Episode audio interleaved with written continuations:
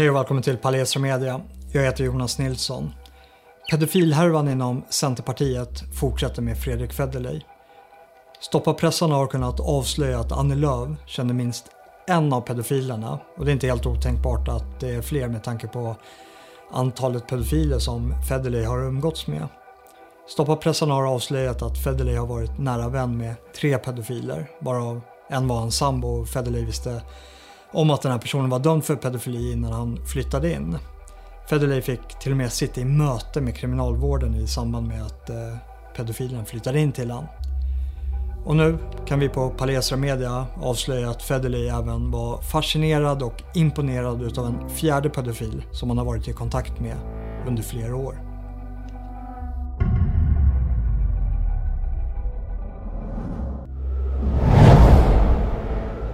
Uppskattar ni arbetet vi gör här på Palestra Media så hjälper ni oss att eh, fortsätta om ni också stödjer oss ekonomiskt.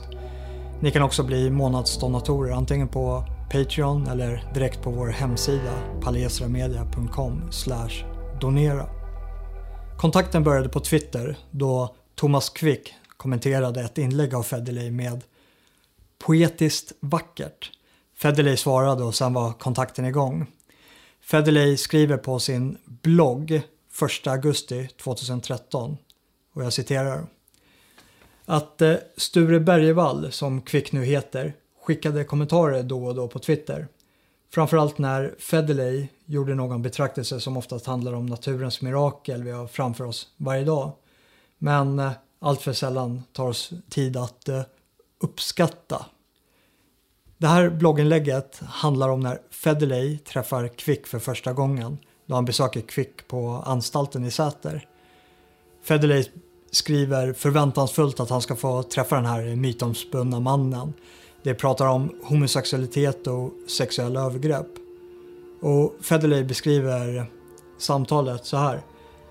Vårt eh, samtal flöt väldigt enkelt trots att vi avhandlade saker så svåra att jag nog aldrig kunnat föreställa mig att jag någonsin skulle hamna i en situation där alla dessa känslor och övergripande etiskt tunga samtalen skulle blandas med samtal om liv, död, blod och övergrepp.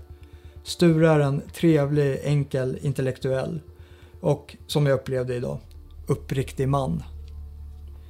Federley eh, frågade om de sexuella övergreppen och eh, vålden. Och sen gick det in på ett långt samtal om hans homosexualitet.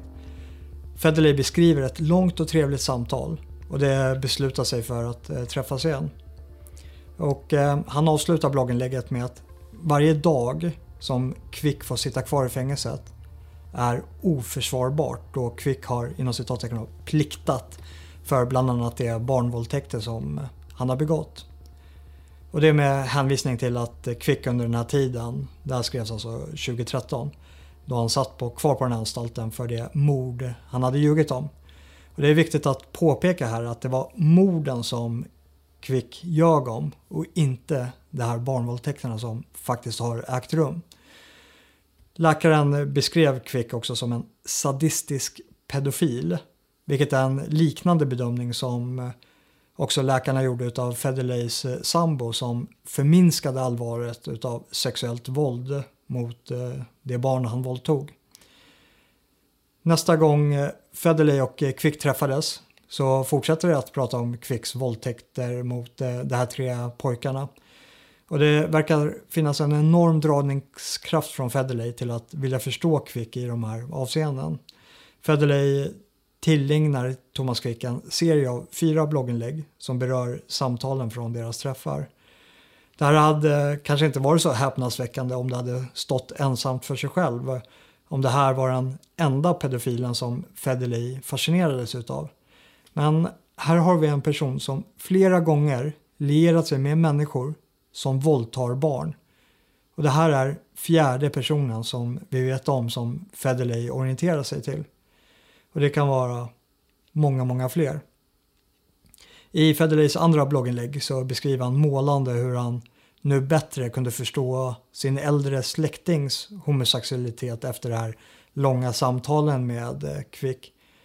Och i tredje blogginlägget tar Federley en till lärdom utav Quick. som kan sättas i relation till att Federley visste om sin sambos väldigt grova barnvåldtäkter. Och det var att Quick inte hade en endaste relation under de 15 år som eh, följde det här. För han valde att leva själv då han inte förmådde sig att berätta för någon i privata sammanhang om de här övergreppen som han hade begått på de här pojkarna då det var skamfullt och svårt att leva med. Ja, fram tills han träffade Federley då, i och med att de pratade väldigt öppenhjärtligt om just det här. Och eh, Federley drar insikten efter det här samtalet att man måste prata om övergreppen för att en relation ska kunna bli djup. Och då är det inte längre speciellt förvånande att Federley var väl insatt och medveten om sin sambos pedofildomar. Det här var alltså öppna blogginlägg av Federley och då det här är publikt så är Federley också väldigt noga med att ta avstånd från pedofilin och våldtäkterna. Och det är en sak att läsa det här blogginlägget när det skrevs 2013. Då kunde det kanske ha betraktats som något osmakligt. Att eh, någon hyste en sån här sympati till Quick. Men det är en helt annan sak att läsa det här blogginlägget nu. Tillsammans med all annan information som har kommit upp till ytan. Federley är en väldigt skadad människa och man måste ställa sig frågan till hur mycket människor i Federleys närhet känner till rörande den här människans fascination till barnvåldtäktsmän. Hur mycket vet Federleys partikollegor i Centerpartiet om det här? Man är nära vänner inom ett parti och i sitt egna sociala sammanhang.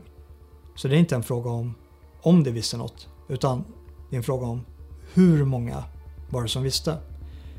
Har ni några tips så kontakta oss. Antingen eh, via vår hemsida palesmedel.com eller till vår eh, protonmail. Tack för att ni har lyssnat. Prenumerera gärna om ni inte redan har gjort det. Det skulle vara väldigt uppskattat. Och eh, länken till Federleys blogg lägger vi i beskrivningen här under och så syns vi till eh, nästa avsnitt.